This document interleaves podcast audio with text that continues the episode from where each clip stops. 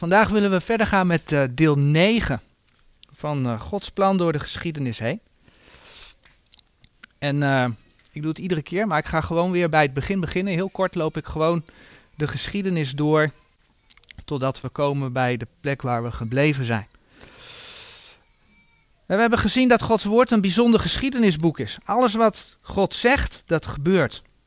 En God geeft in zijn woord ja, zijn plan van schepping tot en met de nieuwe hemel en de nieuwe aarde. God heeft in zijn woord ook bewezen dat hij waarheid is.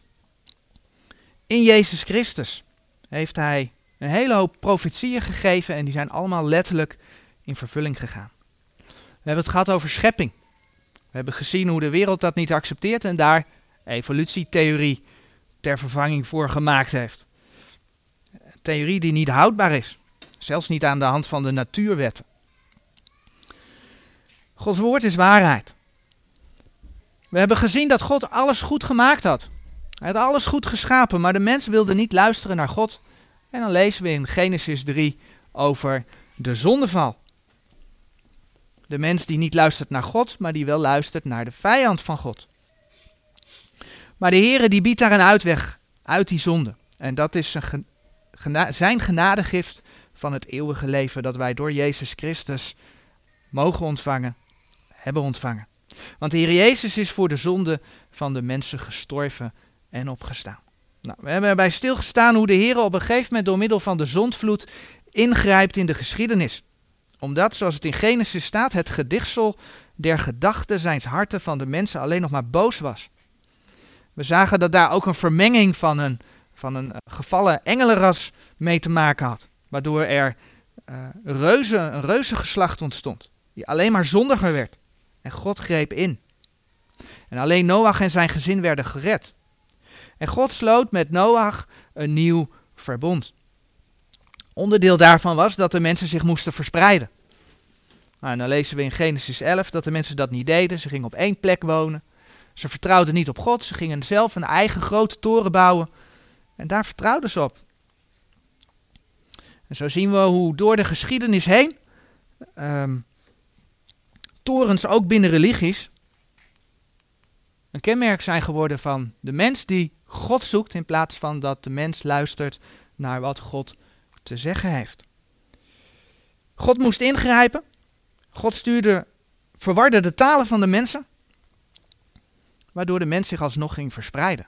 Gevolg daarvan, diverse volken op aarde, oorlogen, diverse religies, waarvan we wel eens gezien hebben dat door al die religies heen vaak wel een lijn zit je ziet dat het allemaal verband houdt met elkaar. De vijand van God probeert verwarring te zaaien, zodat mensen niet bij de Heere God uitkomen. De eenwording van Europa hebben we bij stilgestaan. Dat lijkt ook heel veel op dat proces van Babel. De mens die één wil worden en tegen God in opstand is. En we weten dat de Heer opnieuw zal gaan ingrijpen. Zo zagen we dat de Bijbel laat zien hoe de volken niet alleen over de aarde verspreid zijn, maar hoe de Heer hen ook een plek heeft gegeven. Hij heeft de volken ingedeeld.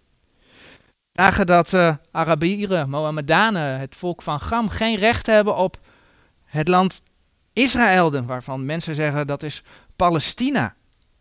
God heeft het aan zijn volk Israël gegeven en hij zal er zelfs voor gaan zorgen dat dat land gaat lopen van de rivier de Nijl tot aan de Uifraat. Heeft God Abraham beloofd. God riep Abraham. God sloot een verbond met Abraham. En we zagen hoe de Heere God duidelijk stelde dat de zegen van Abraham op Isaac overging en niet op Ismaël. Uiteindelijk ging de zegen over van Isaac op Jacob en zo ontstond het volk Israël. En ja, de heidenen, dus ook de Ismaëlieten, ook de Arabieren, kunnen deel krijgen aan die zegen van dat verbond via het beloofde zaad Jezus Christus. Dat is wat Gods woord zegt en laat zien. We hebben gezien hoe het met Abrahams nageslacht van kwaad tot erger ging. En hoe het in onderdrukking in Egypte terecht kwam. Maar de Heere liet hen niet in de steek. Hij zond een verlosser, Mozes. En nadat het volk door Gods tekenen en wonderen uit Egypte bevrijd is, sloot de Heere ook met het volk een nieuw verbond. Ze kregen van God de wet. En de Sabbat was het teken van dat verbond tussen God en zijn volk Israël. Het verbond dat een voorwaardelijk verbond was. God zei heel duidelijk, als jullie aan mijn verbond houden, als jullie aan de wet houden, dan zal ik je zegenen. Als jullie niet naar mij luisteren, als jullie niet naar de wet luisteren, dan uh, stuur ik mijn vloek, zegt God letterlijk in zijn woord. Nou, de Heere sloot tijdens de periode van de wet nog twee verbonden met het volk Israël. Een verbond dat door velen het Palestijns of diaspora-verbond genoemd wordt. De Heere heeft namelijk voorzien dat het volk Israël de wet niet kon volbrengen. Ze zouden gaan afvallen, afvallen van de Heere, van zijn wet. Dus zou die vloek komen. Ze zouden verspreid worden onder de volken. Maar dat verbond dat zegt, er komt een tijd dat jullie je zullen bekeren en dan zal ik jullie terugbrengen in mijn land, in jullie land, in Israël. En dat moment dat gaat komen. Ook zagen we dat de Heer met David een verbond sloot. Daarin stelde de Heer dat het koninkrijk aan Davids nageslacht bevestigd zou gaan worden tot in eeuwigheid. Davids troon zal vast zijn tot in eeuwigheid, staat er in Gods woord. En wij weten dat dat een profetie is over de koningschap van de Heer Jezus. Is hij koning geweest? Nee, dat is hij nog niet. Gaat hij wel worden, zegt zijn woord. Onder de koning, koningen gaat het al fout met Israël. Het volk wijde zich steeds verder aan de afgoderij. Baalverering onder andere. En God zorgde ervoor dat het volk in verstrooiing kwam. En we spreken dan ook wel van de 70-jarige Babylonische ballingschap. Nou, in de boeken Ezra en Nehemia zien we dat de Heer met name Juda en Benjamin terugbrengt in het land na 70 jaar. En waarom doet hij dat? Hij zorgt ervoor dat zijn woord in vervulling gaat. Want hij heeft beloofd dat de Messias geboren zou worden uit David in Bethlehem. En God zorgt ervoor dat dat gaat gebeuren. En dan is de Messias geboren. En dan zien we dat Johannes de Doper en de Heer Jezus, op een gegeven moment ook, en zijn discipelen het koninkrijk verkondigen. Maar het Joodse volk, die verwierp de Messias. Zij riepen, Johannes 19, vers 15, neem weg, neem weg, kruis hem. Wij hebben geen koning dan de keizer. En in 70 na Christus werden Jeruzalem en de tempel opnieuw verwoest. Had de Heer Jezus overigens ook geprofiteerd. Het, het volk werd opnieuw onder de heidenen verstrooid. En daarmee werd het koninkrijk uitgesteld. Heer Jezus is nog geen koning geweest. Het gaat komen. Het is nog toekomst. Maar we zijn wel 2000 jaar verder. En dan hebben we ook gezien hoe Gods woord in handelingen een soort omwenteling beschrijft. Daar waar de Heer Jezus en de discipelen in het begin, dus voor uh, zijn hemelvaart, het koninkrijk verkondigden, daar zien we dat vanaf dat moment, zeg maar na Pinksteren, het evangelie der genade Gods verkondigd gaat worden. En in Handelingen 13, vers 46 hebben we gezien hoe Paulus aangeeft dat de Joden het evangelie verwerpen en hoe ze zich dan tot de heidenen keren. Het evangelie der genade Gods dat tot die tijd een verborgenheid was.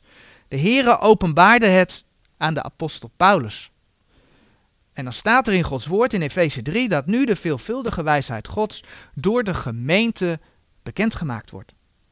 En we hebben het dan dus ook over de periode van de gemeente. Periode die zal duren tot aan de opname van de gemeente, dat we de Heer in de lucht tegemoet zullen gaan. Um, de gemeente die heeft een hele bijzondere positie, ook als bruid. De gemeente heeft een groot aantal zegeningen, daar hebben we de vorige keer bij stilgestaan. Zekerheid in het geloof, daar hebben we vanmorgen over gezongen. De Heilige Geest, de Heer heeft ons met zijn geest verzegeld. En de Heer zegt dat dat is tot aan de dag van onze verlossing. Ondanks al die zegeningen zien we dat de gemeenteperiode eindigt in een falend christendom. Door afval van geloof. Er gebeurt veel met de gedaante van godzaligheid. Er wordt, ondanks dat de kerken leeglopen, best nog wel over God gesproken. En één keer in de zoveel tijd tegenwoordig, nou nog net niet jaarlijks, verschijnt er een nieuwe Bijbel. Hè? Dat doen we allemaal voor God. Ja, dus er gebeurt veel met een gedaante van godzaligheid, terwijl het niets meer te maken heeft met God en zijn woord. En nadat de gemeente is opgenomen, de gemeente gaat opgenomen worden omdat de gemeente niet is gesteld tot toren, staat er in de brief aan de gemeente. Dan komt de grote verdrukking over de aarde. En daar zijn we aangekomen binnen het plan van God. En daar willen we dan vanmorgen ook bij stilstaan. En dan willen we allereerst een gedeelte lezen uit Matthäus 24. Matthäus 24 vanaf vers 15.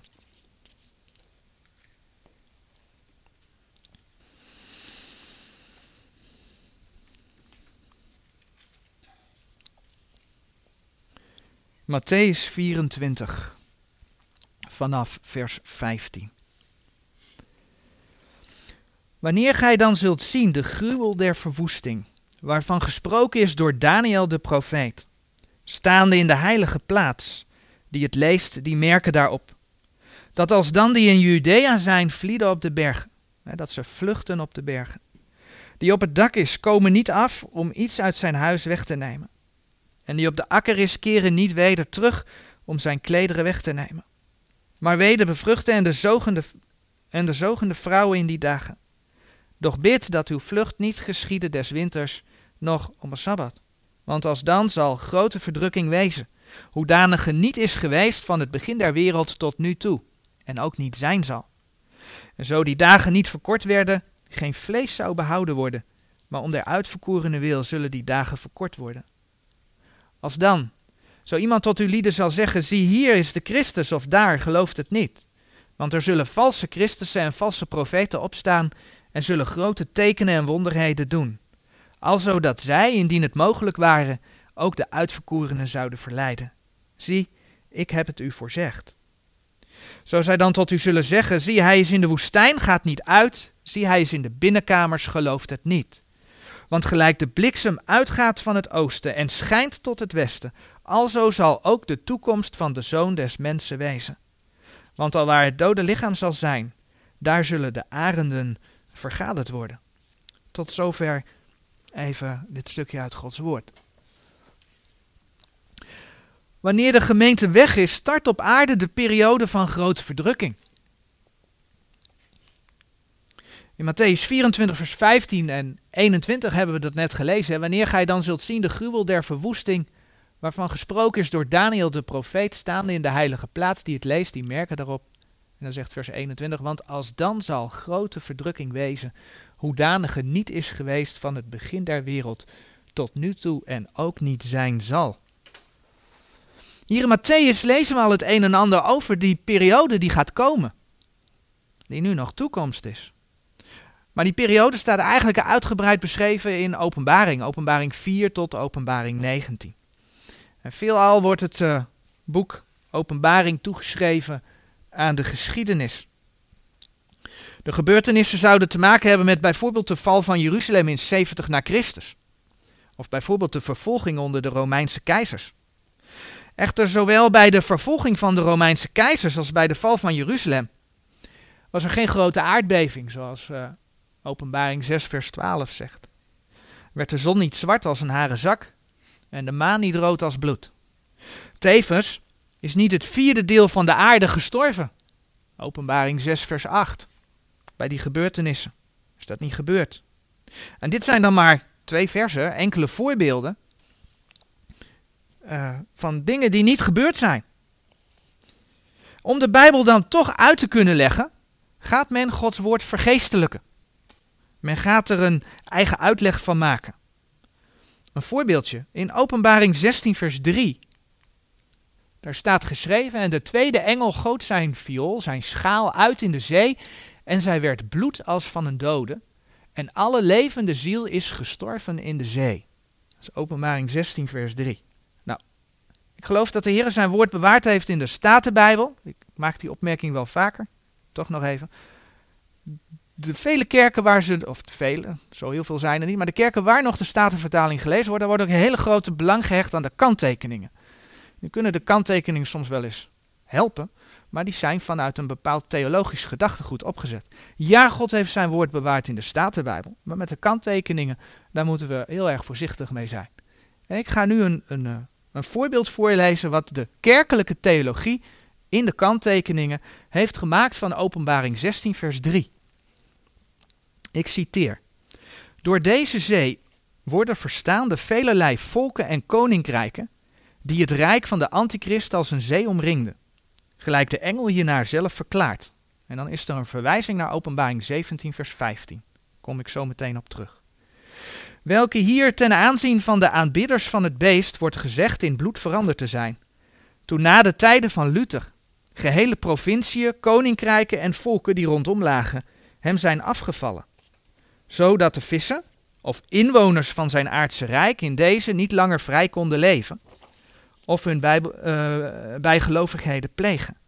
Waarbij ook veel van hun bloed is gestort, en dagelijks nog gestort wordt, tot ene rechtvaardige wederwraak van het veelvuldig bloed dat onder zijn heerschappij door de aanbidders van dit beeld van het beest ook gestort is, gelijk Gods rechtvaardigheid daarover hierna wordt geprezen. Je ziet dus dat Openbaring 16, vers 3 opeens over de tijd van Luther gaat. De hervormingen. Ja, er zijn vervolgingen geweest. Maar dat is niet waar Openbaring 16, vers 3 over schrijft. Het water zou niet letterlijk in bloed veranderd zijn. Maar doordat mensen gestorven zijn, hebben zij hun bloed vergoten. Dat is wat ze ervan maken. En op die manier kan men dus de Roomse vervolgingen uh, van de hervormers in die tekst leggen. Want ze maken er wat anders van. Maar Openbaring 17, vers 15, dat de wateren volkeren zijn, dat staat er namelijk in Openbaring 17, vers 15. Daar staat: En hij zeide tot mij: De wateren die gij gezien hebt, waar de hoer zit, zijn volken en scharen en natieën en tongen. Dat die wateren volken zijn, dat is een verklaring niet van Openbaring 16, vers 3. Dat is een verklaring van Openbaring 17, vers 1. Want in Openbaring 17, vers 1 wordt geschreven dat de grote hoer zit aan, sorry, op vele wateren. Naast het feit dat Openbaring 17, vers 1 spreekt over vele wateren en Openbaring 16, vers 3 een hele andere woordkeuze heeft, namelijk die spreekt over de zee en niet over het vele wateren. Dus het woordgebruik is niet eens gelijk. Nou, stel dat dat wel zo was geweest, dan geeft de directe context geen aanleiding om in openbaring 16 de beeldspraak te gebruiken. Al zou er in openbaring 16 vers 3 ook sprake zijn van wateren, stel het had er wel gestaan, dan nog moesten we ons de vraag stellen, geeft de Bijbel er zelf aanleiding toe om ook openbaring 16 als beeldspraak te lezen? En dat is niet zo. Kijk maar in openbaring 16. Openbaring 16 vers 4, dat is één vers verder. Daar worden namelijk ook de rivieren in bloed veranderd. En daar gaat het niet om mensen van wie het bloed vergoten wordt, maar mensen die bloed te drinken krijgen, doordat in dit geval rivierwater in bloed veranderd is. Kijk maar in Openbaring 16, vers 6. Terwijl zij het bloed der heiligen en der profeten vergoten hebben. Zo hebt gij hun ook bloed te drinken gegeven, want zij zijn het waardig.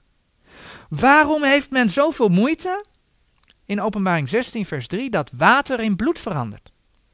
Mozes die sloeg, Exodus 7, vers 20, toch ook met zijn staf op het water en dat veranderde in bloed. De kerkelijke theologen geloven niet in een toekomstig duizendjarig vrederijk op aarde. Die volgt op een grote verdrukking. En in dat geval moet je dus gaan interpreteren. Dan ga je de zaak vergeestelijken, dan ga je daar een eigen uitleg aan geven, zodat het binnen jouw theologie past. Want ja, in het verleden, na de hemelvaart van de Heer Jezus, is, is nog geen water in bloed veranderd. Dat is nog niet gebeurd. Maar zo past men wel Gods woord aan, aan eigen inzichten. En zoals we gezien hebben, doet dat geweld aan de context. Gods woord waarschuwt niet voor niets dat zijn woord niet van eigen uitlegging is. Hè? 2 Petrus 1, vers 20. Dit eerst wetende dat geen profetie der schrift is van eigen uitlegging. Nou, in openbaring 16 gaat het dus heel gewoon om de zee dat in bloed zal veranderen. We moeten openbaring dan ook grotendeels letterlijk lezen, tenzij de Heer zelf symboliek aangeeft en uitlegt, zoals bijvoorbeeld de wateren in openbaring 17 vers 1, die dan in vers 15 worden toegelicht. Ja, daar geeft de Heer zelf de, de uitleg Tenzij de Heer in openbaring 1 spreekt over, 1 vers 12 spreekt over kandelaren, zeven kandelaren. En in vers 20 zegt de kandelaren, dat zijn de gemeenten. Maar dan nog moeten we die uitleg letterlijk nemen. En dat we te maken hebben met de toekomst en niet met de geschiedenis in openbaring, grotendeels, wordt overigens heel mooi door de Heeren zelf bevestigd. In openbaring 1 vers 19. Daar staat, schrijf hetgeen gij gezien hebt, de opdracht die krijgt Johannes, schrijf hetgeen gij gezien hebt en hetgeen is, en hetgeen geschieden zal na deze. En hetgeen geschieden zal na deze. Dat is toekomst. Openbaring en zeker openbaring 4 tot 22 is ook nu nog toekomst. Het is simpelweg nog nooit in vervulling gegaan. En het gaat dan ook grotendeels over de toren Gods. En de vorige Bijbelstudie heb ik daar al een enkel vers van laten zien. Maar als je openbaring 6 vers 16 of 17 opzoekt, openbaring 14 vers 10 of 19, openbaring 15 vers 1 of 7, openbaring 16 vers 1, dan zie je in, in, in openbaring beschreven dat wel degelijk in die tijd Gods toren over de aarde gaat komen. Maar dat is dus nadat de gemeente weg is. Want de gemeente is niet gesteld tot toren. 1 Thessalonicense 1 vers 10, 1 Thessalonicense 5 vers 9. Dat hebben we de vorige keer gelezen. En dat alleen al is een bewijs dat wat in openbaring geschreven staat, grotendeels nog toekomst is. De meeste uitleggers die zich wel houden aan een duizendjarig vrederijk, na een grote verdrukking zoals de Bijbel laat zien, die zeggen echter dat openbaring 4 tot 19 chronologisch is.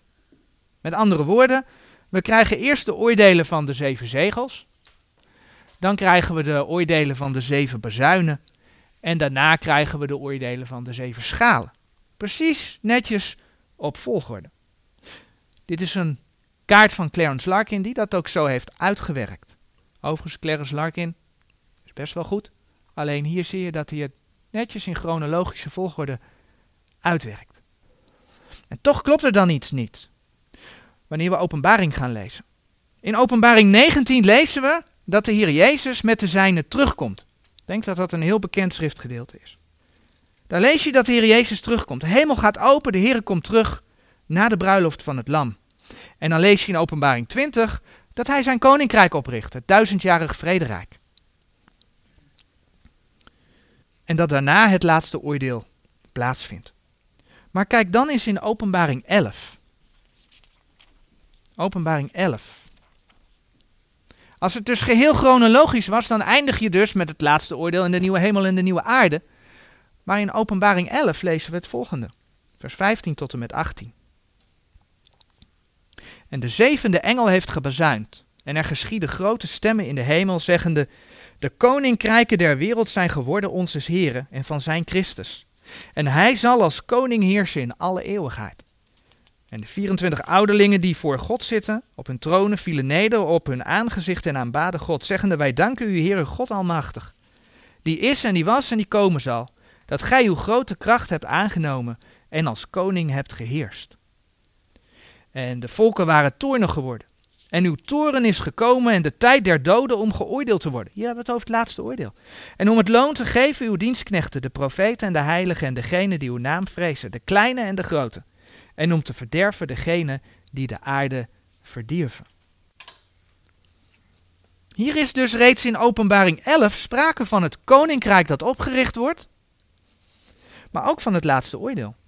Maar ook Openbaring 14 maakt melding over de tweede komst. Wanneer de Heer Jezus op aarde komt, zal hij afrekenen met zijn vijanden. En Openbaring 19, vers 15 zegt dan dat hij de wijnpersbak van de wijn des torens en der gramschap van de Almachtige God zal treden. Dat is Openbaring 9, vers 15. En daarmee begint dan zijn koninkrijk in Openbaring 20. En dan lezen we in Openbaring 14 Openbaring 14, vers 14, het volgende.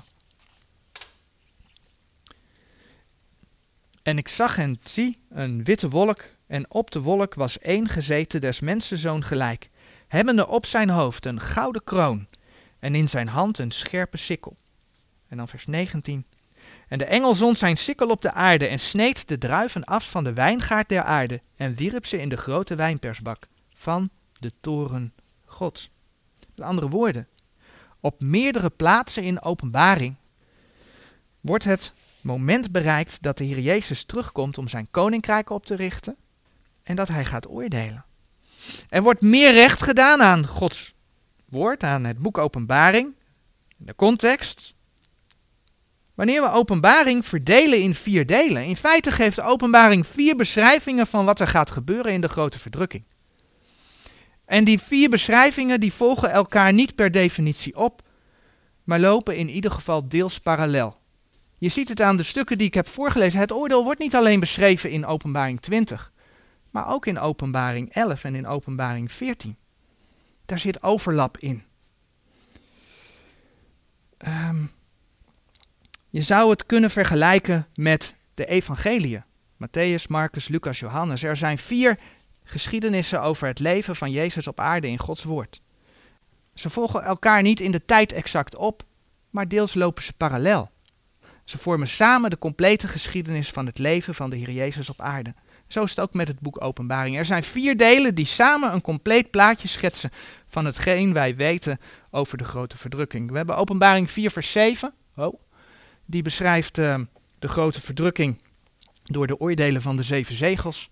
We hebben Openbaring 8 tot en met 11. Die beschrijft de grote verdrukking door de oordelen van de zeven bazuinen. We hebben Openbaring 12 tot en met 14 die beschrijft de grote verdrukking door de handelingen van de antichrist. En we hebben openbaring 15 tot en met 19, die de grote verdrukking beschrijft door de oordelen van de zeven violen of de zeven schalen van Gods toren. Ook in de profeten van het Oude Testament staat veel over de grote verdrukking. De grote verdrukking staat daar veelal beschreven als de dag des Heren. En we gaan naar Jesaja 2 toe.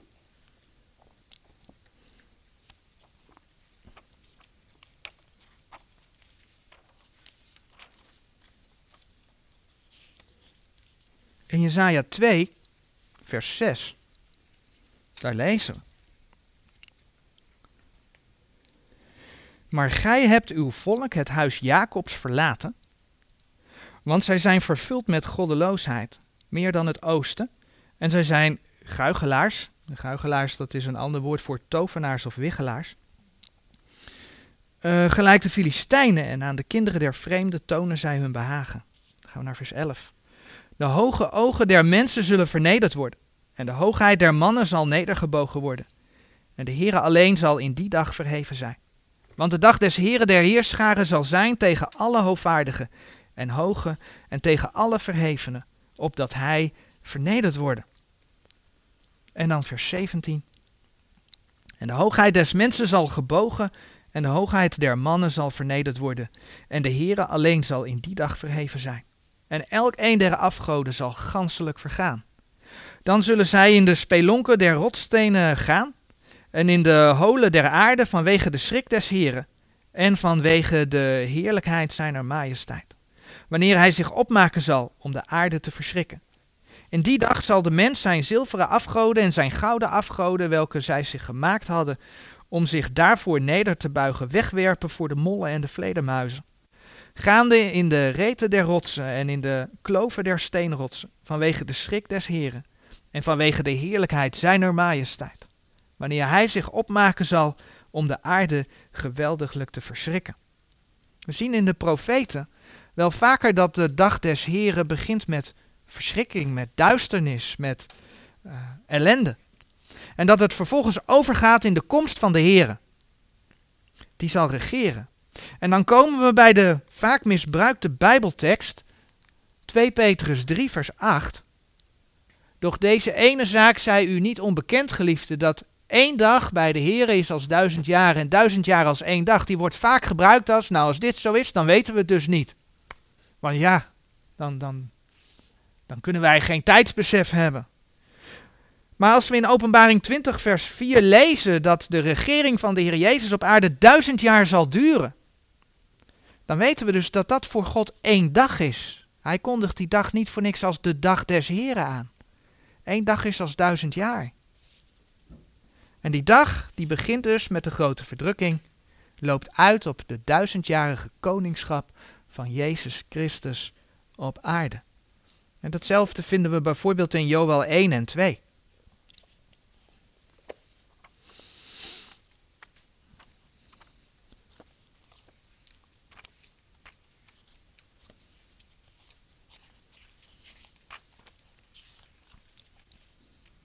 Joel begint met de beschrijving van de dag des Heren. Die zal zijn, in Joel 1 vers 15 staat dat. Want de dag des Heren is nabij en zal als een verwoesting komen van de Almachtige. dus de dag des Heren is als een verwoesting van de Almachtige.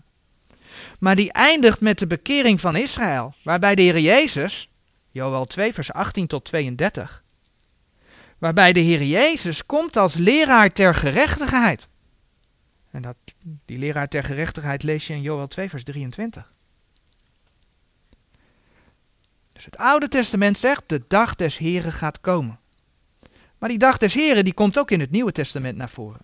Onder andere als Johannes opgenomen wordt door de Heren en te zien krijgt wat er in de grote verdrukking gaat gebeuren. En dan staat er in Openbaring 1 vers 10, ik heb hem hier op de dia staan, Openbaring 1 vers 10, daar staat dan, en ik was in de geest op de dag des Heren, en ik hoorde achter mij een grote stem als van een bazuin.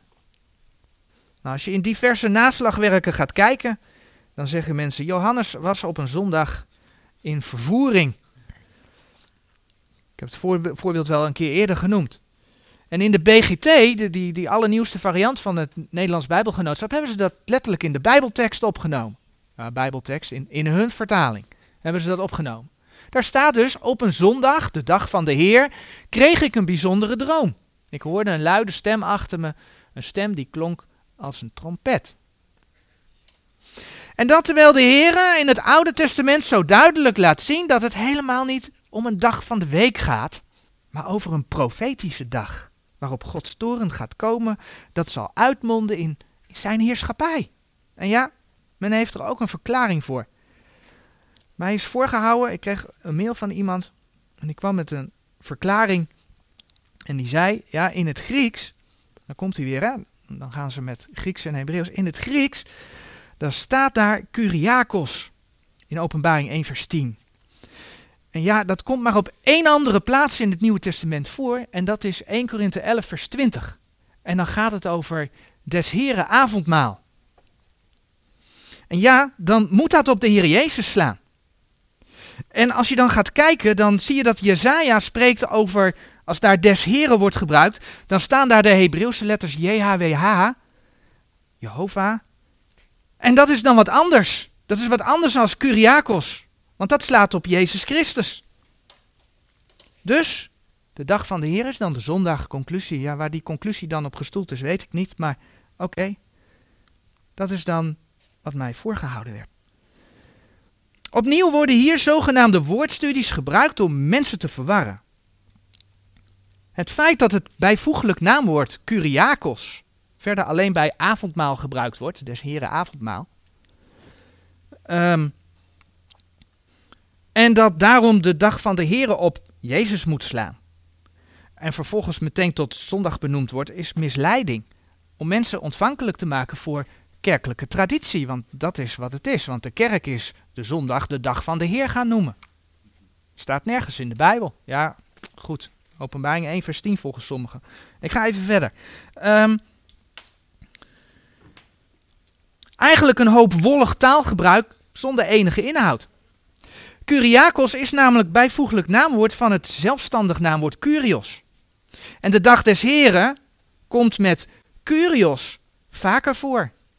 Namelijk Handelingen 2 vers 20, 1 Thessalonicense 5 vers 2 en 2 Petrus 3 vers 10. En daar of ze dan letterlijk dag des heren laten staan. Maar in die tekst komt dan in ieder geval nog naar voren in de nieuwe vertalingen dat het gaat om een moment dat de Heer terugkomt. Um, dat laat men wel staan. Curios uh, verwijst op verschillende plaatsen in de schrift naar bijvoorbeeld God de Vader. Hè? Want ze willen dus Curiakos zou alleen maar op Jezus kunnen slaan. Nou, Curios, dat verwijst op, in verschillende tekstgedeelten naar de Vader. Uh, bijvoorbeeld 2 Korinthe 6 vers 18, openbaring 22 vers 5. Maar laten we 2 Korinthe 6 vers 18 even opzoeken. 2 Korinthe 6 vers 18.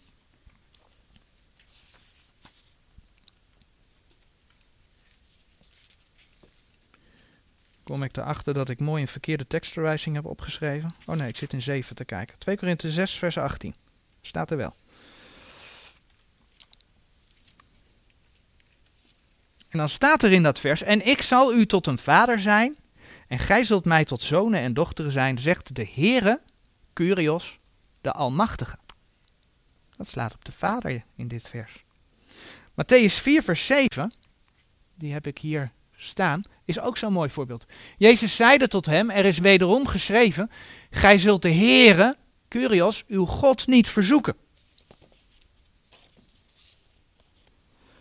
In dit vers wordt Curios ook gebruikt voor God de Vader. En het mooie is dat dit een citaat uit het Oude Testament betreft, want er staat hetzelfde. Deuteronomium 6, vers 16. Gij zult de Heere, en dan staat er dus Oude Testament Hebreeuws, JHWH, Jehovah, uw God niet verzoeken, gelijk als gij hem verzocht hebt, de massa. Wat dit zegt is dat Curios helemaal niet wat anders is als JHWH. God is de Heere. Is hetzelfde, is niet wat anders. Wat men dus wel wilde aangeven in die uitleg. Maar Curios wordt ook gebruikt voor God de Zoon. Dat kun je bijvoorbeeld vinden in uh, Lucas 24, vers 3.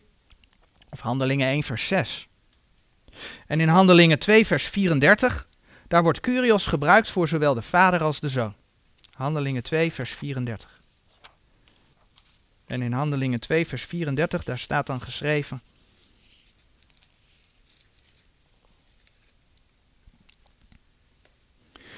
Want David is niet opgevaren in de hemelen, maar hij zegt, de Heere heeft gesproken tot mijn Heere. Zit aan mijn rechterhand. Dit is de vader die tegen de zoon spreekt. De Heere heeft gezegd tot mijn Heere. Curios heeft tegen Curios gesproken wordt gebruikt voor zowel de vader en de, zoon. En is dat vreemd? Nee, het is niet zo verwonderlijk. Want Jezus Christus was waarlijk mens, maar Jezus Christus was ook waarlijk God. Hij was God geopenbaard in het vlees. 1 Timotheus 3, vers 16. Maar zou dan Curiakos, het bijvoeglijk naamwoord van Curios, dusdanig op de Heer Jezus slaan, dat het niet meer de dag des Heren kan zijn, maar dat we het gewoon dan gaan weergeven met zondag? Iets totaal anders. En ik bedoel, wie zou de wijnpersbak van de wijn des torens en der gramschaps van de Almachtige God ook alweer treden? Op de dag des Heren, dat was toch de Heer Jezus? De dag des Heren heeft toch met de Heer Jezus, met zijn komst te maken? Openbaring 19, vers 15. En of we nu de dag van de Heren zeggen, of des Heren dag, het blijft één en hetzelfde. Oftewel, de dag des Heren. De dag die begint met Gods toren, maar uitloopt op Christus heerschappij. En die dag heeft juist zeer veel te maken met de zoon. Vele malen meer dan die wekelijkse zondag. Curios slaat zowel op vader als de zoon. Curiakos slaat dan ook zowel op de vader als de zoon. Het is dus onzin om te zeggen dat de dag des Heren in het Oude Testament en in Handelingen en in Thessalonicense en in Petrus wat anders zou betekenen dan in Openbaring 1. Met andere woorden, openbaring 1 vers 10, moeten wij de dag des Heren gewoon laten staan. En opnieuw hebben we dan dus een waarschuwing te pakken. De afbeelding heb ik de vorige keer of twee keer geleden geloof ik ook laten zien. Hebben wij een waarschuwing te pakken voor mensen die ons aan de hand van een zogenaamde grondtekst interessant gaan doen, Grieks en Hebreeuws erbij halen en zeggen van nee, maar dat moet je zo niet lezen. Wij kunnen lezen wat er staat. God heeft zijn woord bewaard. En ga je wel op die andere manier bezig, dan kun je er geheid van op aan dat de schrift niet verhelderd wordt, maar dat de schrift juist verduisterd wordt. En dat is wat dat plaatje wel mooi, wel leuk weergeeft. In Jesaja 2 vers 6 hebben we gelezen dat de Heere Israël verlaten heeft. En de grote verdrukking die staat dan ook wel bekend als een tijd van benauwdheid voor Jacob. En op zich is dat niet vreemd, want in Jeremia 30, vers 7 staat dat ook letterlijk geschreven. Het is Gods woord die dat zegt. Grote verdrukking zal een tijd van benauwdheid voor Jacob zijn. In Jeremia 30, vers 7 Daar lezen we.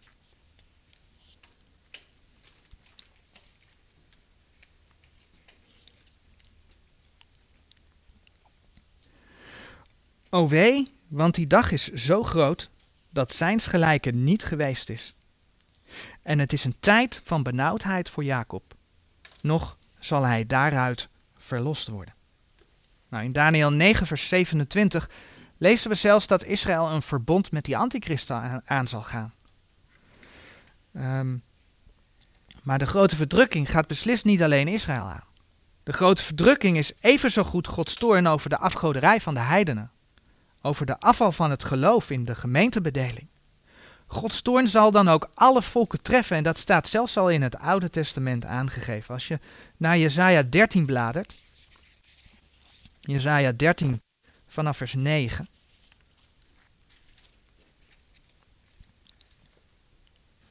Jesaja 13 vanaf vers 9.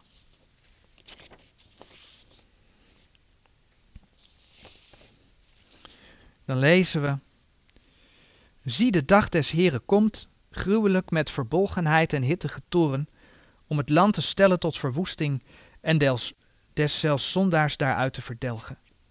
Want de sterren des hemels en zijn gesternte zullen hun licht niet laten lichten. De zon zal verduisterd worden wanneer zij opgaan zal, en de maan zal haar licht niet laten schijnen. Want ik zal over de wereld de boosheid bezoeken, en over de goddelozen hun ongerechtigheid. En ik zal de hoogmoed der stouten doen ophouden. En de hoofdvaardij der tirannen zal ik vernederen. Hier wordt over de wereld gesproken. Over de goddelozen. Gods toren gaat de wereld aan. openbaring laat zien dat er een, een, een hoererende wereldkerk ontstaat. Openbaring 17. Onder leiding van de antichrist. Juist ook over die ontwikkelingen stuurt God zijn oordeel. En het is niet voor niets dat de Heere in Openbaring 3 vers 16 tegen die laatste gemeente van Laodicea zegt. Die uh, profeet die staat voor de eindtijdgemeente. Waar, ja, waar wij uh, in leven, zeg maar, in deze tijd. Openbaring 3, vers 16. Zo dan omdat gij lauw zijt en nog koud nog heet, ik zal u uit mijn mond spuwen. De Heere heeft zijn gemeente voor die tijd echter weggehaald. We de vorige keer gezien. Net zoals hij Noach en, en, en Lot redde. Voordat zijn toren over de aarde ging.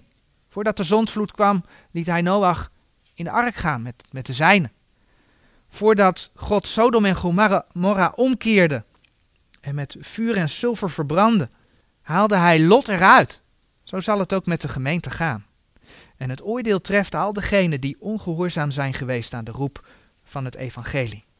En die de Heer Jezus niet hebben aangenomen als hun heiland. Het zal zo'n verschrikkelijk rampzalige tijd zijn dat de groten der aarde zich zullen verbergen in spelonken, in grotten. We hebben dat al een paar keer in Jezaja gelezen, maar Openbaring beschrijft het ook. Openbaring 6, vers 15. Men zal smeken om te mogen sterven, staat er zelfs. Openbaring 6, vers 15 tot en met 17. En de koningen der aarde en de grote en de rijken en de overste der duizend en de machtigen en alle dienstknechten en alle vrije verborgen zichzelf in de spelonken en in de steenrotsen der bergen. En zeiden tot de bergen en tot de steenrotsen: Valt op ons en verbergt ons van het aangezicht desgene die op de troon zit en van de toren des lams. Want de grote dag zijn torens is gekomen en wie kan bestaan? En als je dan gaat kijken in de openbaring, dan lees je in Openbaring 6, vers 4 dat de mensen elkaar zullen doden. Je leest in Openbaring 8, vers 7 dat de hagel en vuur zullen vallen dat vermengd is met bloed. Je leest in Openbaring 8, vers 11 dat het water bitter zal worden, waardoor velen zullen sterven. Je leest in uh, Openbaring 16, vers 4 dat het water bloed zal worden. Er zal honger zijn en gevaar voor wilde beesten. Openbaring 6, vers 8. De afgrond zal geopend worden en wezens uit de hel zullen over de aarde trekken. Openbaring 9, vers 1 tot en met 11. De zon zal grote hitte geven. Openbaring 16, vers 8. De mensen zullen zweren krijgen. Openbaring 16, vers 2. Er zal grote duisternis komen. Openbaring 16, vers 10. En de mensen die dan in de Heer Jezus gaan geloven, zullen worden gedood om het woord Gods en het getuigenis dat ze hebben. Openbaring 6, vers 9. Er zal een zeer grote aardbeving komen. De zon zal zwart worden als een haren zak, de maan zal rood worden als bloed. De sterren zullen op de aarde vallen. Openbaring 6, vers 12 en 13. Openbaring 16, vers 18. En met deze hele opsomming, ik stop hier, is het nog niet compleet. Je kunt nog meer vinden in openbaring. En het effect van dat alles wordt duidelijk wanneer we naar aantallen gaan kijken. Aantallen mensen. Want ook daar zegt de Bijbel het een en ander over. Bij het vierde zegel lezen we dat het vierde deel, openbaring 6 vers 8, der aarde gedood wordt. In openbaring 9 vers 15 lezen we dat het derde deel der mensen gedood wordt. Als je dan naar de wereldbevolking gaat kijken, die op 14 juni afgelopen week, volgens dit staatje, ik heb het niet zelf geteld, volgens dit staatje 7,6 miljard mensen groot is. Als je dan bedenkt dat daar op een gegeven moment dus, oh, fout, even terug, op een gegeven moment dus uh, het vierde deel van zal sterven, dan heb je het over 1,9 miljard slachtoffers. Dan hou je er dus 5,7 miljard over. Als je daar dan nog weer eens een derde van neemt, kom je nog eens een keer op 1,9 miljard doden uit. Bij elkaar is dat 3,8 miljard. En dan heb je het dus eigenlijk over 1 op de 2 mensen die in de grote verdrukking zal komen te sterven. En dan heb ik het nog niet eens over al die andere plekken waar staat dat er velen zullen sterven. Want het staat op meerdere plekken in openbaring.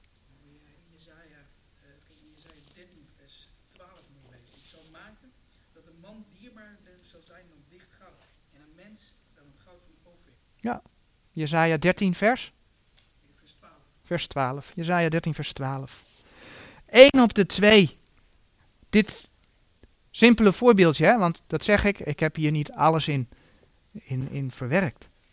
Maar dat geeft aan wat hier op aarde gaat gebeuren. Een drama. Geeft ook aan dat wat wij allemaal meemaken, want we denken soms ook wel van, het is hier verschrikkelijk uh, op deze aarde met alles wat er om ons heen gebeurt. We leven nog niet in de grote verdrukking. Daar leven we echt niet in. De Heer zal ons komen halen.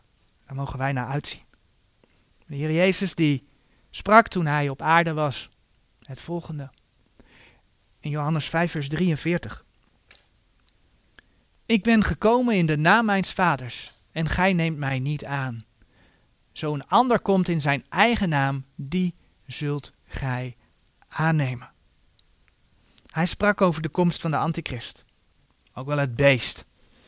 Of de mens der zonde, de zoon des verderfs, de ongerechtige. We gaan daar nu niet uitgebreid op in, maar Daniel vertelt ons dat hij een verbond met Israël zal maken. Voor zeven weken, zeven profetische weken, zeven jaar. En dat hij dat verbond op de helft zal gaan verbreken. En de Joden en zeer veel ja, zeg maar naamchristenen, mensen die wel naar de kerk gaan, maar nooit tot wedergeboorte zijn gekomen. Die daar naartoe gaan omdat ze door papa en mama daar gebracht zijn. Als kindje gedoopt en ja, het hoort bij mijn zondagsbesteding. Zo ben ik opgevoed. Maar die nooit de Heer zelf hebben aangenomen. Die nooit die bewuste keus hebben gemaakt. Naamchristenen. Die de vredevorst verwachten. Want we zijn er toch om onze planeet te verbeteren. En, die de vredevorst verwachten. Die zullen hoogstwaarschijnlijk hem als de uh, Messias begroeten. We weten dat de New Age beweging ook de komst van de Messias predikt. Er zijn meerdere religies die een, een, een Messias, een, een, een, een, een, een vredebrenger verwachten. Vandaar dat men streeft naar die wereldreligie, waar openbaring 17 ook over spreekt. Het wordt niet voor niks geestelijke hoererij genoemd, omdat ze allemaal samen straks die grote leider gaan volgen ook. En de Heer Jezus profiteerde het reeds, Johannes 5, vers 43, als het dan om de antichrist gaat. En hem zult gij aannemen. Het staat er. Het is dan ook geen wonder dat een van de waarschuwingen, hè, die we vanmorgen ook gelezen hebben in Matthäus 24, vers 24, voor de mensen in de grote verdrukking geldt. En ja, je, je kunt hem vandaag de dag in de aanloop daar naartoe al uh, mensen voorhouden, want je ziet het vandaag de dag al gebeuren. Dat mensen verleid worden door valse Christussen en valse profeten. In de grote verdrukking zal dat nog meer naar voren komen. Matthäus 24, vers 24. Want er zullen valse Christussen en valse profeten opstaan en zullen grote tekenen en wonderheden doen, alzodat zij, indien het mogelijk waren, ook de uitverkorenen zouden verleiden. Zie, ik heb het u voorzegd. Zo zij dan tot u zullen zeggen. Ik heb wel eens een uitzending gehoord dat de Heer Jezus op de A zoveel verschenen was. Nou, hier staat het, hè. Zo zij tot u zullen zeggen. Zie, hij is in de woestijn, gaat niet uit. Zie, hij is in de binnenkamers, gelooft het niet. Ik heb hem gezien. Het gaf me zo'n vredig gevoel. Hoor je mensen dan zeggen? Was zo geweldig. Dan moet je in openbaring uh, 1 is dat geloof ik lezen wat er met Johannes gebeurt. Als hij de Here ziet. Even kijken hoor. Vers 17. Ja, inderdaad. Johannes ziet de Heer Jezus. En in vers 17. En toen ik hem zag, viel ik als dood aan zijn voeten. En dan moet de Heere zeggen, vrees niet. Ik ben de eerste en de laatste. Maar goed, even, dat even terzijde. Er zullen valse profeten en valse Christussen komen. En die zullen de mensen met wonderen en tekenen verleiden. Dat is wat Gods woord zegt. Uh, zelfs zo dat mensen die op dat moment in de grote verdrukking geloven, dat die ook haast nog verleid zullen worden. Dat uh, wat in vers 24 zal, staat al zo dat zij, indien het mogelijk waren, ook de uitverkorenen zouden verleiden. De antichrist zal zich voordoen als de redder van een wereld in nood. Hij zal in eerste instantie vrede brengen. En daarom zegt 1 Thessalonicense 5 vers 1.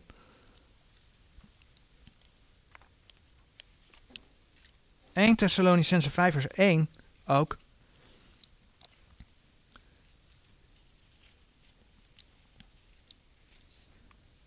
Maar van de tijden en de gelegenheden, broeders, hebt gij niet van noden dat men u schrijft. Want gij weet zelf zeer wel dat de dag des Heren alzo zal komen gelijk een dief in de nacht. Want wanneer zij zullen zeggen, het is vrede en zonder gevaar, dan zal een haastig verderf hun overkomen, gelijk de baresnood een bevruchte vrouw, en zij zullen het geenszins ontvlieden, zij zullen het geenszins ontvluchten. En die antichrist die gaat ervoor zorgen dat mensen hem gaan aanbidden. Openbaring 13 vers 15. 2 Thessalonicense 2 vers 4. En als teken van loyaliteit krijgen ze een merkteken. De Bijbel spreekt over 666 op het voorhoofd of de rechterhand. En ja, zonder dat teken kun je niet kopen of verkopen. Dat is wat openbaring zegt. Dan zijn er die zeggen, ja dat merkteken dat is uh, mensen die de zondag houden. Hè, de zevende dag Adventisten. Nee, de Bijbel zegt, zonder het 666 kun je niet kopen of verkopen. Het heeft niks met of ik op zondag naar de samenkomst ga om over de Bijbel te horen en de Here te zingen. Met Gods woord bezig te zijn. Iedereen die niet voor hem buigt, zal de dood vinden. Openbaring 13, vers 15. Nou, de gemeentetijd die eindigt in lauwheid, afval van het geloof. De grote verdrukking daarentegen, nou, we hebben gelezen wat voor tijd dat dat zal zijn, kunnen wij ons nog niet eens bevatten, denk ik. Maar de grote verdrukking zal ertoe leiden dat er een grote schare tot geloof komt. Er zullen velen tot geloof komen. Als je naar Openbaring 7 gaat, dan spreekt de Heer over een grote schare. Openbaring 9 vers sorry, Openbaring 7 vers 9. Na deze zag ik en zie een grote schare die niemand tellen kon uit alle naties en geslachten en volken en talen, staande voor de troon en voor het lam, bekleed zijnde met lange witte klederen, en palmtakken waren in hun handen. Vers 13. En een uit de ouderlingen antwoordde zeggende tot mij, deze die bekleed zijn met de lange witte klederen, wie zijn zij? En van waar zijn zij gekomen? En ik sprak tot hem, heren, gij weet het. En hij zeide tot mij, deze zijn het die uit de grote verdrukking komen. En zij hebben hun lange klederen gewassen en hebben hun lange klederen wit gemaakt in het bloed des lams. Daarom zijn zij voor de troon Gods en dienen hem dag en nacht in zijn tempel. En die op de troon zit, zal hen overschaduwen. Zij zullen niet meer hongeren en zullen niet meer dorsten. En de zon zal op hen niet vallen, nog enige hitte. Want het lam, dat in het midden des troons is, zal hen wijden. En zal hun een leidsman zijn tot levende fonteinen der wateren. En God zal alle tranen van hun ogen afwissen. Voor deze gelovigen, zolang zij nog op aarde zijn en nog niet omgekomen zijn, zal er wel een hele andere tijd aanbreken. Daar waar wij gered zijn door geloof, uit genade, Efeze 2, vers 8 en 9, waar we zelfs verzekerd zijn van ons behoud, want al verbranden al onze werken voor de rechterstoel van Christus, de gelovige zelf is behouden, zegt Gods woord tegen de gemeente. Daar zal men in de grote verdrukking moeten volharden tot het einde. Matthäus 24, het gedeelte wat we vanmorgen gelezen hebben, daar stonden nog wat versen voor. Matthäus 24. Matthäus 24, vers 13. Daar staat geschreven. Maar wie volharden zal tot het einde, die zal zalig worden. Vaak wordt dit vers weer vergeestelijkt, als zijnde dat wij alles voor de Heer moeten geven, tot het einde van ons leven, en dan zullen we behouden worden. Nee, de Bijbel zegt al verbranden al onze werken, de gelovige is behouden. In de brieven wordt dan uitgelegd dat wij loon en kroon kunnen krijgen als wij de Heer dienen in ons leven. Dat we schade kunnen lijden, dat klopt, als we dat niet doen. Maar we zijn verzekerd van ons behoud. De grote verdrukking zal men moeten volharden tot het einde. En dat is niet zozeer het einde van hun leven, maar tot het einde van die grote verdrukking. Kijk maar in vers 14 van uh, Matthäus 24. En dit evangelie des koninkrijks zal in de gehele wereld gepredikt worden tot de getuigenis alle volken. En dan zal het einde komen. Over dat einde gaat het. Ze zullen moeten volharden tot het einde. We hebben gezien wat voor een moeilijke tijd het wordt. Men zal niet mogen buigen voor het beest. Men zal zijn merkteken niet mogen aannemen. Openbaring 14, vers 9 tot en met 12. Dat is volharden tot het einde. En uiteindelijk zal dan de Heer Jezus terugkomen. En de Heer die rekent af met die antichrist. Kun je onder andere lezen in 2 Thessalonicense 2 vers 8 en Openbaring 19 vers 11 tot en met 21. Ik pak 2 Thessalonicense er even bij.